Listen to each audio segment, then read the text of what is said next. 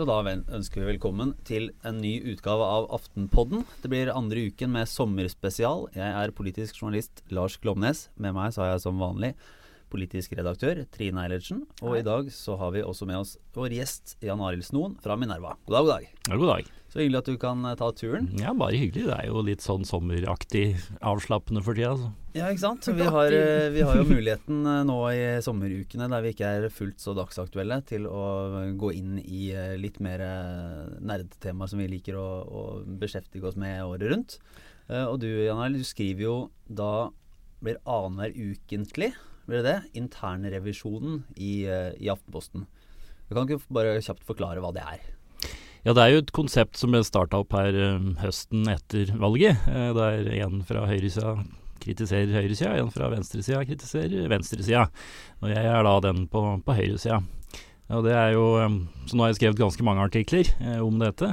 Så begynner det, å bli, det er jo litt sånn mønster i det.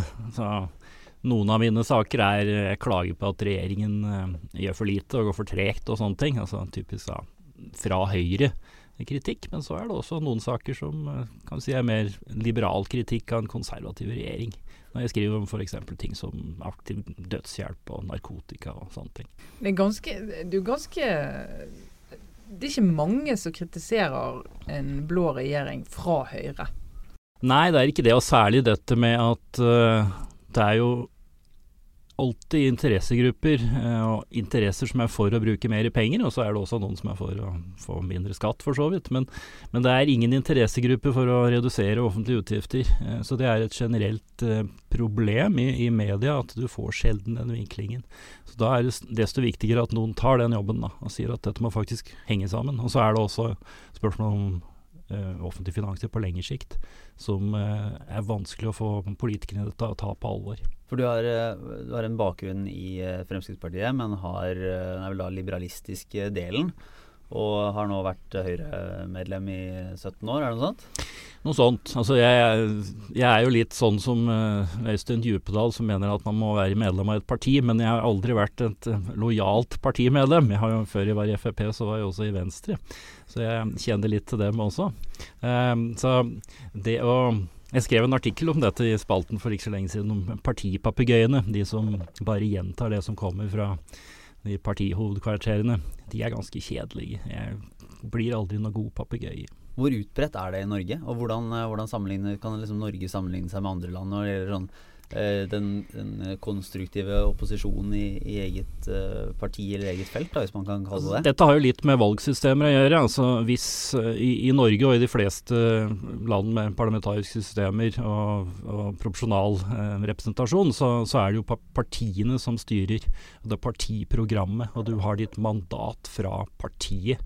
Eh, mens i andre land, sånn spesielt i USA, men også delvis i Storbritannia, så har du ditt mandat direkte fra velgerne, som faktisk har valgt deg. Eh, og, og, og derfor så har du også større frihet til å mene litt andre ting, mens partiprogrammene spiller en mindre rolle. Jeg syns jo eh, eh, Snoen eh, er interessant fordi at han eh, er en av de som stiller spørsmål til ikke bare en Høyre-regjering, men enhver regjering fra Høyre. Og vi har jo litt sånn både i pressen og andre steder så har vi det med å eh, stille spørsmål til Arbeiderpartiet som handler om hvorfor de ikke er mer lik SV. Eh, og så stiller vi spørsmål til, eh, til Høyre hvorfor de ikke er mer lik Arbeiderpartiet. Og under ligger jo denne, denne tanken som vi er vokst opp med, at det finnes alltid penger som kan løse et problem. Så enten vil du bruke de pengene, eller vil du ikke bruke de pengene. Er du et godt menneske eller et dårlig menneske? Eh, og det er litt sånn, eh, Jeg syns det er veldig forfriskende da, å ha en fra Snoens side som stiller spørsmålet men hvorfor skal vi bruke de pengene? Vi kunne jo kanskje ha ha latt være å bruke de, latt være å ta inn de skattekronene. Tenk på en annen måte. Det er litt sånn internasjonalt, ikke minst i USA, og er jo det en, en veldig vanlig måte å utfordre statsmakten på. da. I Norge har vi jo et, et spesielt problem med, med, med dette å holde utgiftene nede, og det er at vi, vi har vært velsignet med petroleumsformuen. Så vi har fått det som da mange har kalt for petroleumspopulismen. Så i Norge er det ekstra vanskelig eh, å, å ta dette hvorfor skal vi bruke så mye penger på alt, hvorfor skal alt øke? Som jeg pleier å si, altså budsjettprioriteringene i Norge de handler om de som skal få mer, de som skal få mye mer, og de som skal få fantastisk mye mer. Eh, Med noen få unntak så er det sånn. Hvis det står i ro, blir det jo, da blir det jo kutt. Ja, da er det kutt. Leses om kutt. Hvis du får mindre økning enn prisstigningen, så er det også kutt. Og hvis du får mindre økning enn en andre har fått, så er det også gærent. Så alle skal ha mer enn gjennomsnittet. Eh, og så har vi da noen utfordringer litt lenger fram i tid. Eh, perspektivmeldinga, som mange har hørt om, men som eh, få tar på alvor og har lest.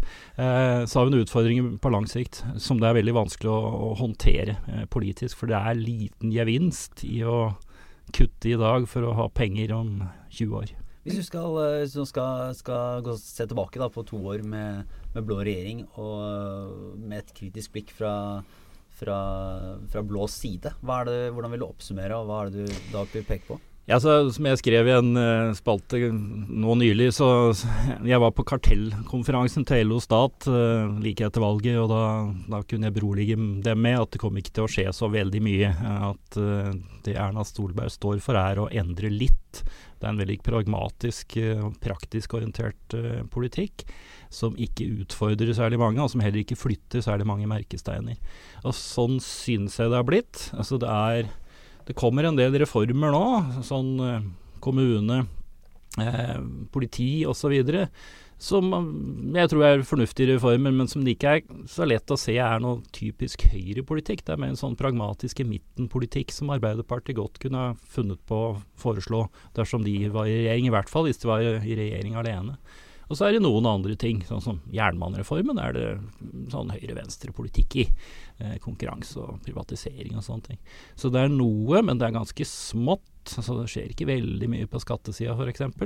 Der er jo for så vidt eh, gått litt ut av min vanlige posisjon, for jeg har anbefalt å legge mindre vekt på formuesskattelettelsen. Ikke å gi mindre i skattelettelse, men mindre vekt på den. Så da blir jeg plutselig sånn sentrumsorientert. Da, som jeg håper den der eh, skattekommisjonen og skatteutvalget eh, som nå skal behandles eh, utover høsten, eh, at den kan eh, variere den skattedebatten litt. At du kan få en sånn avveining. Skal du ha, Hvilke typer skatt det er som virker? Hvilke typer skatt er det viktig å øke? Hvilke typer skatt er viktig å, å, senke? For I Norge så handler skattedebatten kun om formuesskatt, og den angår strengt tatt ganske få.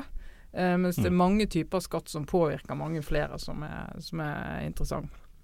Det er, det er, jo en veldig sterk symbolikk i, i formuesskattelettelser. Og, og derfor så, så vil gjerne venstresida snakke om det, mens uh, Høyre har også vært veldig opptatt av å snakke om det for å framstå som næringsvennlige.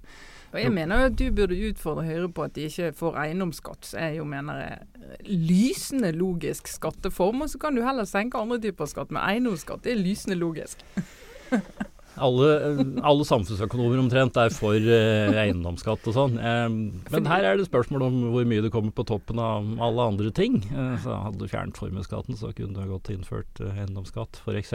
Men eh, jeg vil ikke ha eiendomsskatt i, i Oslo. Jeg, jeg, skrev til og med et, eh, et innlegg hos Minerva, der jeg jobber til daglig, der jeg oppfordret Arbeiderpartiet til å gå inn for eiendomsskatt i Oslo, sånn at de kunne mobilisere sånne, sånne folk som meg, som ellers kunne risikere å havne i sofaen. Og det gjorde de. Så du er fornøyd? jeg er fornøyd med det. Ja. Jeg, egentlig, poenget var at, eh, at, du trenger større forskjeller eh, i eh, to alternativer i Oslo-politikken. Og det er det vanskelig å få til uten at Arbeiderpartiet har de penga som de får med eiendomsskatt. I 2011 så gikk de ikke inn for eiendomsskatt, og da hadde de ikke noe penger å spille med. Så det var nesten ikke mulig å se hva de skulle gjøre, og da tapte de. Eh, nå får vi se hva som skjer nå, men det, fall, det betyr at det er i hvert fall et, en forskjell mellom de to alternativene i Oslo. Og det, det, er viktig. Skulle gjerne ha sett større forskjeller på riksplan også, men der er det tross alt større ting da, eh, mer å være uenige om enn det ofte er på lokalplan. Hvilke områder er det regjeringen ikke har levert overfor sine faktiske høyrevelgere, eller liksom de som ser de som ser, eh, har stemt på Høyre og Frp for å få en, en tydelig endring i Norge? Altså, det, det, kommer litt an på hvorfor vi tror folk har stemt på, på Høyre. Eh, Frp har nok folk stemt for å få større endringer, men, men Høyres ledelse tror at Høyres velgere ikke vil ha særlig store endringer.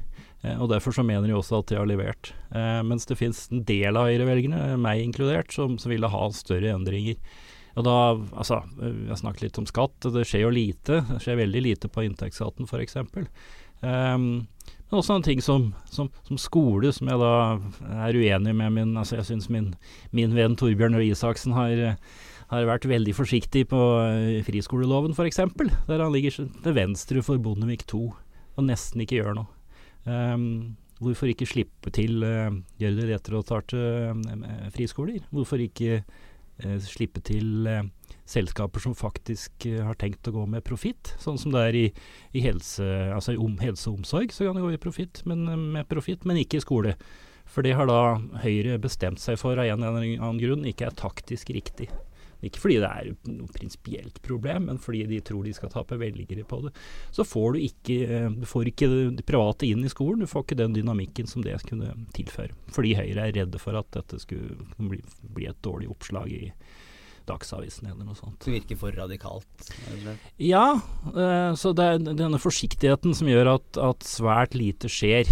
Så setter du ned utvalg, altså NRK setter du ned utvalg nå fordi du ikke får bestemt deg om du skal ha uh, lisens eller ikke. Skyver ting foran deg. Dette henger også sammen med at dette er en mindretallsregjering. Uh, så det er klart det er grenser for hvor mye de kan få gjort. Men ikke det.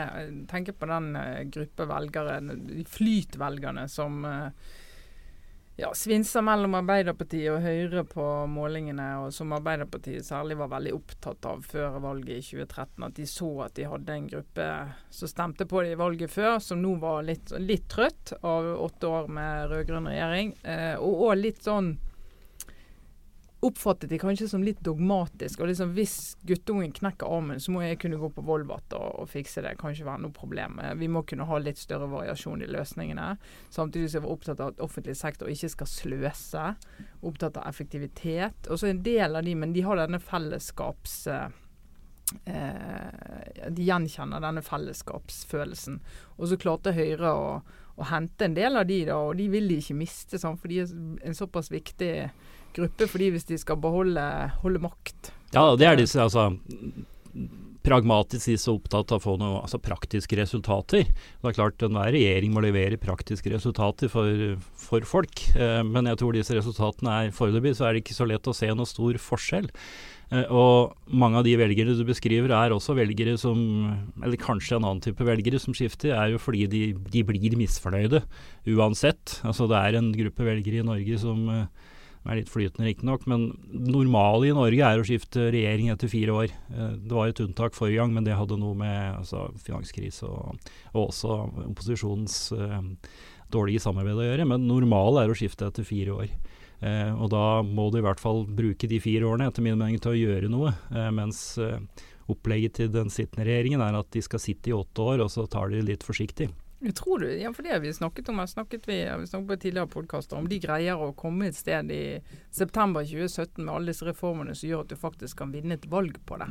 Eller om de bare er litt sånn work in progress. Og altså, jeg tror jo det for, for, de fleste av disse så, så er det for sent uh, ute. Altså, kommunereformen er et godt eksempel på det. Uh, du, du, kommer ikke til å ha særlig endringer i kommunestrukturen når vi kommer til våren og, og høsten 2017. Uh, så selv om dette er, altså, kanskje dette er på vei, så er det ikke noe som en vanlig innbygger i en kommune, altså en vanlig nordmann, vi vil se noen resultater av. Den, hensikten med den reformen er jo ikke å spare penger, men det er å gi bedre tjenester ut til kommunene. Og det får du ikke noe resultat av fordi det er gått for sakte. Eh, så er det da Dette er gjort fordi du skal forankre og du skal gjøre den, altså du skal få kommunene med deg. Ja, men det er ikke sikkert eh, Ok, hvis dette er vellykket, så kan det godt hende at det er Arbeiderpartiet som kommer til å få fordelen av det. Hmm. Men eh, vi kan jo i og for seg fortsette, for vi har vel tenkt å, å dele dette litt i to. Dette var interne revisjonen, og så driver du med litt eh, eksterne revisjon også, Jan Arild. For du er jo eh, lidenskapelig opptatt av amerikansk politikk, og der skjer det jo nå Nå er jo valgkampen og, starten eh, snart gasset ordentlig i gang med, eh, med et utall kandidater på, på republikansk side. Ja, altså, kan ikke du oppsummere situasjonen der litt sånn som du ser det nå? Fra det, det som er fascinerer meg med amerikansk politikk, er jo at du er så vidt ferdig med ett valg, altså mellomvalgene i Kongressen, så begynner forberedelsene til det neste presidentvalget, som er nesten to år fram i tid, eller nå da eh, et, ja, et drøyt år. Eh, du har jo fått veldig mange kandidater på republikansk side, flere enn noen gang, så vidt jeg kan skjønne. Og Grunnen til det er at uh, republikanere tror at de har stor sjanse til å vinne. Eh, som baserer seg på en sånn vanlig Snakket litt om syklusen hvert fjerde år i, i Norge. I USA så er det sånn at du sitter vanligvis i åtte. Eh, altså, president blir nesten alltid gjenvalgt, uh, unntak for Jimmy Carter, som var en spesielt klønete president. Men etter åtte år så er, så er amerikanere klare for en, et nytt parti. Og det skjer også nesten alltid, unntak uh, George Bush den eldre, som hadde Reagans tredje periode. Eh, men normalt er at du skifter, og derfor tror republikanerne at de skal vinne, og da alle skal inn nå. Så veldig mange som, eh, som kunne ha vært kandidater i 2012, de eh, ventet, og så er de kandidater nå isteden. Og for alle dem så har toget gått, med unntak av Jeb Bush, som også var en som, som satt og ventet. Så nå har vi et uh, veldig sammensatt uh, felt med ca. 16 uh, kandidater hvorav tre er, eh, kan vinne, og så er det noen til som, som synes. Ja, fordi Utenfra, eller de som ikke, for oss som er interessert, men ikke følger det så tett, så, så ser det jo nesten ut som et svakhetstegn at det, er, at det er så mange kandidater og, og, så stor spredning. Da lurer man jo på om de klarer å fokusere kreftene til å til faktisk stille en sånn forent front da, ja, mot Hillary Clinton når hun Det er jo problemet om, om dette om du klarer å samle dette etter hvert, men nå pleier det å være sånn at de, de klarer å samle. Eh, og Jeg tror det kommer til å skje nå også, men det er en nøkkel til å forstå dynamikken her, og hvem som egentlig har sjans. Eh, fordi det er jo mange her som, som stiller og har sin egen gruppe. Altså eh, Pastor Mike Huckabee f.eks., som er ytterst uh, kristenkonservativ. Men også i mange andre spørsmål, uh, litt til venstre, altså frihandel og sånne ting, som han er imot. Han har da konkurrenter, Ted Cruz, eh, det sånt, men det er flere da, som konkurrerer om en liten del av disse velgerne. Og da kommer han til å bli sjaltet ut etter hvert, for han har ikke appell gitt mot sentrum av partiet. Eh, mens eh, og Rand Paul er en annen som er i opposisjon i utenrikspolitikken. Og samler eh, støtte også fra, fra venstresida. Kunne være en interessant kandidat hvis han vant til nominasjonen, for han ville få andre velgere enn republikanere pleier å få. Men han ligger også for langt ut. Så du må ha folk som, som har appell til hele partiet. Og så må de overleve de første fasene her, så det ikke blir de som er skrelles ut. Og så kommer de andre til å samle seg rundt dem. Og der er det da uh, Marco Rubio som de fleste målinger viser er den som, som er mest populær på bredt grunnlag i partiet. Har bare 10% på meningsmålingene nå, men de kan samle seg rundt han. Jeb Bush har, har penger, er kjent, uh, var en populær guvernør i, i, uh, i, Florida. Men er litt for gammel. Litt for langt mot sentrum i, i forhold til sitt eget parti. Uh, og har et par ting som han er altså, i opposisjon til eget parti. Og så er det da navnet, da. Navn og alder. Så han er ikke ny. Så er den siste er Scott Walker, eh, guvernør i Wisconsin. Som er en sånn uh, som skal ordne opp med fagforeninger og særinteresser og sånne ting. Hvem er det du ville satt penga på hvis du måtte Jeg har satt penger. Hva har du satt penger på? Ja, du er også en, en, en, en glad gambler. Jeg har satt penger på, på Marco Rubio, eh, som jeg anser som den sterkeste kandidaten. Fordi han er, han er den beste han er den beste taleren. Eh, han er ung. Um, Hvor ung kan være ung si nå? Han er 44, så vidt jeg husker. Ja. Eh, altså, type, han, han, han, ligner på mange måter på Obama, for han altså, altså cubansk amerikaner. Eh, noe som også brukes mot han, altså at han er for fersk og ikke bare sitter til senatet i, i mindre enn fire år. Eh, eller fire år. Og så Eh, men han har disse egenskapene som skal til, tror jeg, eh, for å eh, slå Hillary Clinton, som det høyst sannsynlig blir på demokratisk side. Hun er en eh, eldre dame, og hun har eh, Clinton-navnet, som er både positivt og negativt. Men han, eh, han representerer noe, noe nytt, altså framtida. Han kaller Hillary Clinton for 'yesterday'. Kan han altså, kan han mobilisere velgere som ellers ikke ville gått og stemt, rett og slett pga. sin uh, bakgrunn? Altså, det er jo velgere som uh, som demokratene kanskje vanligvis ville hatt god kontakt med, at han kan mobilisere en del av de velgerne? Ja, altså jeg tror uh, republikanere sliter med to uh, ting. Det ene er at de gjør det relativt dårlig blant unge velgere. Da er det en fordel å ha en 44-åring mot en 67-åring. Og så sliter de også med med de som ikke er hvite. Altså, blant de svarte så har det vært sånn lenge eh, at de stemmer 90-95 stemmer på Demokratene og mobiliseres der. Men, mens da de spansktalende, hispanics, eh, er mer en, en kampgruppe. Eh, også asiater kommer etter hvert, men de er foreløpig relativt få. Så, så det republikanske partiet må appellere annerledes enn det har gjort. Og jeg tror Rubio er bedre i stand til det. Jeg tror ikke det er noe dramatisk. Han kommer til å tape så det synger blant uh, hispanic-velgere, men han kan kanskje til å tape noe mindre. Og så må han vinne da enda flere av de unge, hvite velgerne kanskje kvinner også, som eh, republikanere også. Yngre kvinner særlig, som republikanere sliter med. Er det noen sånne mm, måte, store saker som seiler opp, som, som de som følger, følger valgkampen, kan uh, ha et ekstra øye på? Altså, hva, hva, er det republikanerne faktisk vil kjempe for? Altså det, er, det er alltid Nesten alltid så er det økonomien som dominerer amerikansk valgkamp. Eh, og det går bedre i amerikansk økonomi, særlig hvis du sammenligner med Europa, men det går fremdeles ikke veldig bra. Eh, og altså, Det er en viss vekst i økonomien, men, og boligprisene har begynt å gå opp og sånn, men, men, lønningene eh, henger etter. Eh, så det er å få fart på økonomien, som da vanligvis er en sånn høyresidesak. På den annen side så er det også sånn at ulikheten i USA øker, og særlig lønningene for, for de i midten og under eh, har stagnert. Så det blir da en ulikhet og fordeling eh, blir en venstresidesak som Hillary Clinton kommer til å snakke mye om. Problemet hennes er at hun drar rundt på universiteter og tar 100 000 dollar for å snakke i en halvtime. Så hun har litt problemer med akkurat uh, troverdigheten rundt dette, men det er nå det som kommer til å være uh, storyen der.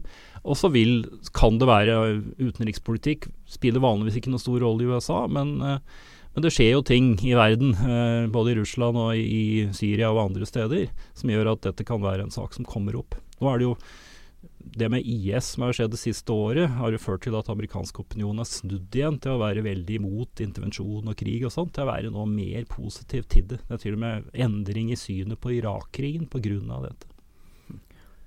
Hvordan ser du på, på, disse Det har jo vært eh, Det spørs jo da om Jeb Bush. Han er jo ikke da din favoritt, men han er jo en, en dypt forankra inn i familieklanen Bush. Eh. Hillary er jo da fortsettelse av eh, Clinton-familien. Hvordan spiller de familiebånda inn i valgkampen, tror du? Ja, det, er jo, det, er jo, mange i USA som ikke liker at du skal få disse dynastiene. Clinton er jo bare nummer to, da. Bush-familien går langt tilbake og som har noe imot det. Men jeg tror dette mer har med om du skur framover eller bakover å gjøre. Eh, og da kommer dette navnet selvsagt inn, men også alderen til disse kandidatene. Eh, Jeb Bush er også 61, altså ikke så gammel, men han er ikke, han er ikke noe ungfole, han heller. Eh, så, så, mer det at du trenger, en, du trenger, et skifte. Som jeg sa, etter åtte år skal du ha et skifte. Og Det gjør at uh, det er en ulempe tror jeg, netto for at de heter Clinton og Bush. Det kan godt hende en av dem kommer til å vinne. Altså Bush er vel nummer to-favoritt hos meg eh, på replikansk side, men favoritt hos de, som, de, andre som setter penger på dette. Så er han eh, favoritten. Um, så det kan, hende det, blir, det kan godt hende at det blir dem to, to eh, de to. Men jeg tror det blir Clinton mot Rubio, og at Rubio da har gode sjanser til å vinne. Apropos familiedynastier. Vi har jo en del av eh, Vi har en del eh, koblinger i norsk politikk også. Eh, vi har jobbet, jobbet litt med en sak som kommer nå på, på lørdag. og Det er i og for seg ikke noe dramatisk i den saken, men det er jo beskrivende. Der vi ser bl.a. På, på 17 såkalte maktpar i blå politikk. Fordi det viser seg jo sånn som det også var i den rød-grønne regjeringen, så er det jo veldig mange familiebånd og, og ekteskap på kryss og tvers i og rundt regjeringa. Mm. Eh, så det er jo eh, man har jo f.eks. For da forsvarsministeren som da er, er gift med, med, byrådet i Oslo. Uh, vi har eh, landbruksministeren som er gift med en rådgiver i Frp. Vi har stortingstoppene Linda og Trond Helleland. Per Sandberg er også gift med fylkesrådet i Troms. Og så er det jo helt sånn på kryss og tvers. Uh, og, spørsmålet er jo litt sånn hva betyr, Har det noen betydning for hvordan Norge styres, eller liksom politiske Norge, at det er så mange sånne tette koblinger, eller er det bare en helt naturlig konsekvens av, av at politikken også er et, sånn, eh, et, et, sted i samfunnet der folk møtes og lever sammen? Altså du, Å drive med politikk, jeg har for så vidt gjort det på et eller annet vis i nesten hele mitt voksne liv, er, betyr jo at du, du er intenst opptatt av For du er jo også gift med en i, Jeg er gift i Rørsla. Ja, ja, jeg traff kona mi i politikken. Eh, så, og det er fordi dette, det tar veldig mye tid, og også sånn at du er veldig opptatt av det. Og det er naturlig at, du, at mange da finner sine ektefeller innenfor det samme miljøet. Eh, så det er mer av det, og så er det jo noe sånn som går i arv også videre i andre generasjoner. Men det er også naturlig. altså Du, du, du får da politikken inn eh, med, med morsmelka, nær sagt. Det er noe som det snakkes om hjemme hele tiden, eh, og derfor så, så er det naturlig at du får politisk interesse. Det, jeg tror ikke det Altså, det gjør noe i den forstand, eller i den grad at dette blir en lukket krets. Eh, altså Hvis det blir veldig mye av det, sånn at du må på en måte komme deg inn i dette på et eller annet vis. Jeg tror ikke vi er der, at, at det er en lukkethet i politikken. Nei, det er jo eh, Altså nå er det jo en blå eh, makt, så da diskuterer vi de rundt der. Men vi har jo også diskutert det eh, i forbindelse med Arbeiderpartiet, der det har gått i generasjoner, og der det også har vært par. Eh, og jeg tror, vi, jeg tror ikke vi helt klarer å peke på det store problemet med det, mer enn at altså det vi ser det er i politikken som i journalistikken, så blir jo folk mer og mer lik de som driver med det. Altså Variasjonen blir mindre og mindre. altså Vi er så like at vi uten videre finner eh, partneren vår i det miljøet. For det Og, skal, jo sies at, at din mann er jo journalist. Politisk og journalist, min ja. samboer er også utdannet journalist. ja, så vi er jo ikke akkurat eh, Vi, er ikke noe, vi vi, har har ikke beveget oss veldig langt. Nei. Vi har en fireåring som er manisk opptatt av mulla Krekar, og eh, leser, eller ønsker å bli, få lest for seg alt om mulla Krekar i avisen, så du skjønner jo at dette kommer jo til å, til å forplante seg videre. uh, og det er, jo, eh, det er jo mer der at du tenker at det, det er en gjeng som driver med det, og så har du veldig mange som ikke gjør det, som, som kanskje ikke alltid blir hørt og sett i samme grad. Altså, jeg syns jo, synes jo det er relevant å skrive om det og fortelle om det. da. Det er vel en del av Vi hadde også en sak som, som ble godt lest i Aftenposten for noen uker siden om, om hvordan andre yrker velger likt. Og Man så jo f.eks. både særlig litt sånn høystatusyrker, da, som altså leger og, og jurister og en del andre velger jo i veldig stor grad eh, partnere fra den samme miljøet. Det er jo kanskje ikke så rart når flere av dem er, er eh, lange utdannelser, der man, så man har de periodene i livet der man møter folk, er, eh, er den perioden man også er veldig inne i studier eller de aktivitetene, da kanskje. Jeg gikk jo på Handelshøyskolen, der er veldig mange siviløkonomer som møtte siviløkonomer. Men der var jo også skilsmisseprosenten langt over eh, snittet. Og det kan jo ha noe med å gjøre at du, du er lik inntil et visst punkt. Så fyker den ene av gårde i karrieren, mens den andre kanskje ikke gjør det. Og da blir det veldig tydelig hvis du har lik bakgrunn. Og det tror du kan se i en del ja. Men det er, det er en annen ting som jeg er noe mer bekymret for når det gjelder rekrutteringen til politikken. Det er at De siste årene har det blitt veldig mange flere profesjonelle politikere, altså apparatet, eh, Stortinget og rundt omkring også, i kommuner og fylkesting og sånn. Det har blitt mange flere. Eh, Så det er da en, det er en klasse av av mennesker som er blitt mye større, og derfor det er mye lettere å finne en partner også, for det er mange flere å, å velge mellom, kan du si det sånn. Eh, men, men her er det gjerne sånn du kommer fra ungdomsorganisasjoner inn i dette, og så blir du der, og så skal du ut som kommunikasjonsrådgiver et eller annet som er liksom kronen på verket når du virkelig har fått det til. Eh, så blir du kommunikasjonsrådgiver. Eh, så eh, spørsmålet er om, om, om dette, denne profesjonaliseringen, gjør at du ikke får nok av folk som kommer helt utenfra. Da. Fra, altså, typisk fra, fra næringslivet, eller altså fra skolen eller fra helsevesenet eller whatever. At du kommer fra en, en sånn politisk karriere, og så altså, blir det en større og større uh, gruppe som, som, som blir en sånn Kan bli da en, en lukket uh, krets. Eh, Arbeiderbevegelsen har alltid hatt organisasjonene på siden, så de har hatt litt sånn stor krets tidligere også. Men rekrutteringen helt utenfra kan være et problem hvis vi mister den. Jeg lurer på en annen ting som bare fordi Vi har da intervjuet eh, Linda og Trond Helleland. eh, som snakker, Han er jo da parlamentarisk leder, og, og hun er eh, leder av transportkomiteen. Også, men, eh, men det er jo da mange ting han får vite, som de bedyrer at hun ikke får vite. For de mener at de har ganske sånn vanntette skott da, på hva som kan sies og ikke kan sies hjemme. Eh, jeg vet at, eh, at eh, Per Sandberg og Linni Miriam Sandberg tidligere har vært veldig tydelige på at ja, de snakker ikke politikk hjemme.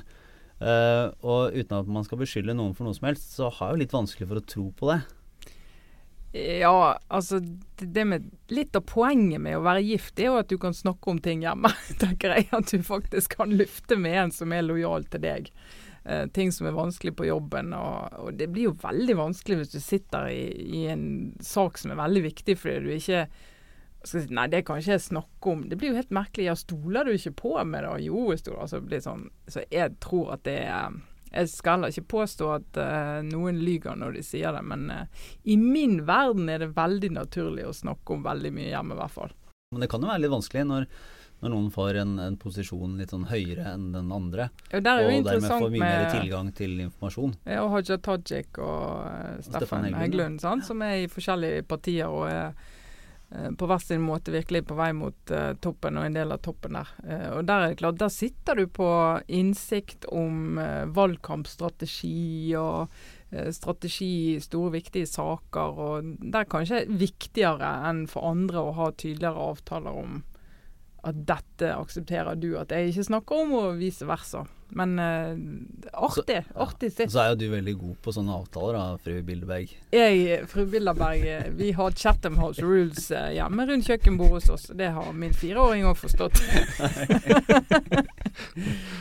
Men eh, vi får vel takke for oss for denne gang og denne utgaven av Aftenpodden. Som resten av sommeren så kommer vi tilbake neste uke, da med en ny spesialutgave. Så da takker vi for oss. Det var vår gjest Jan Arild Snoen, politisk redaktør Trine Eilertsen og meg, Lars Klomnes. Ha det bra.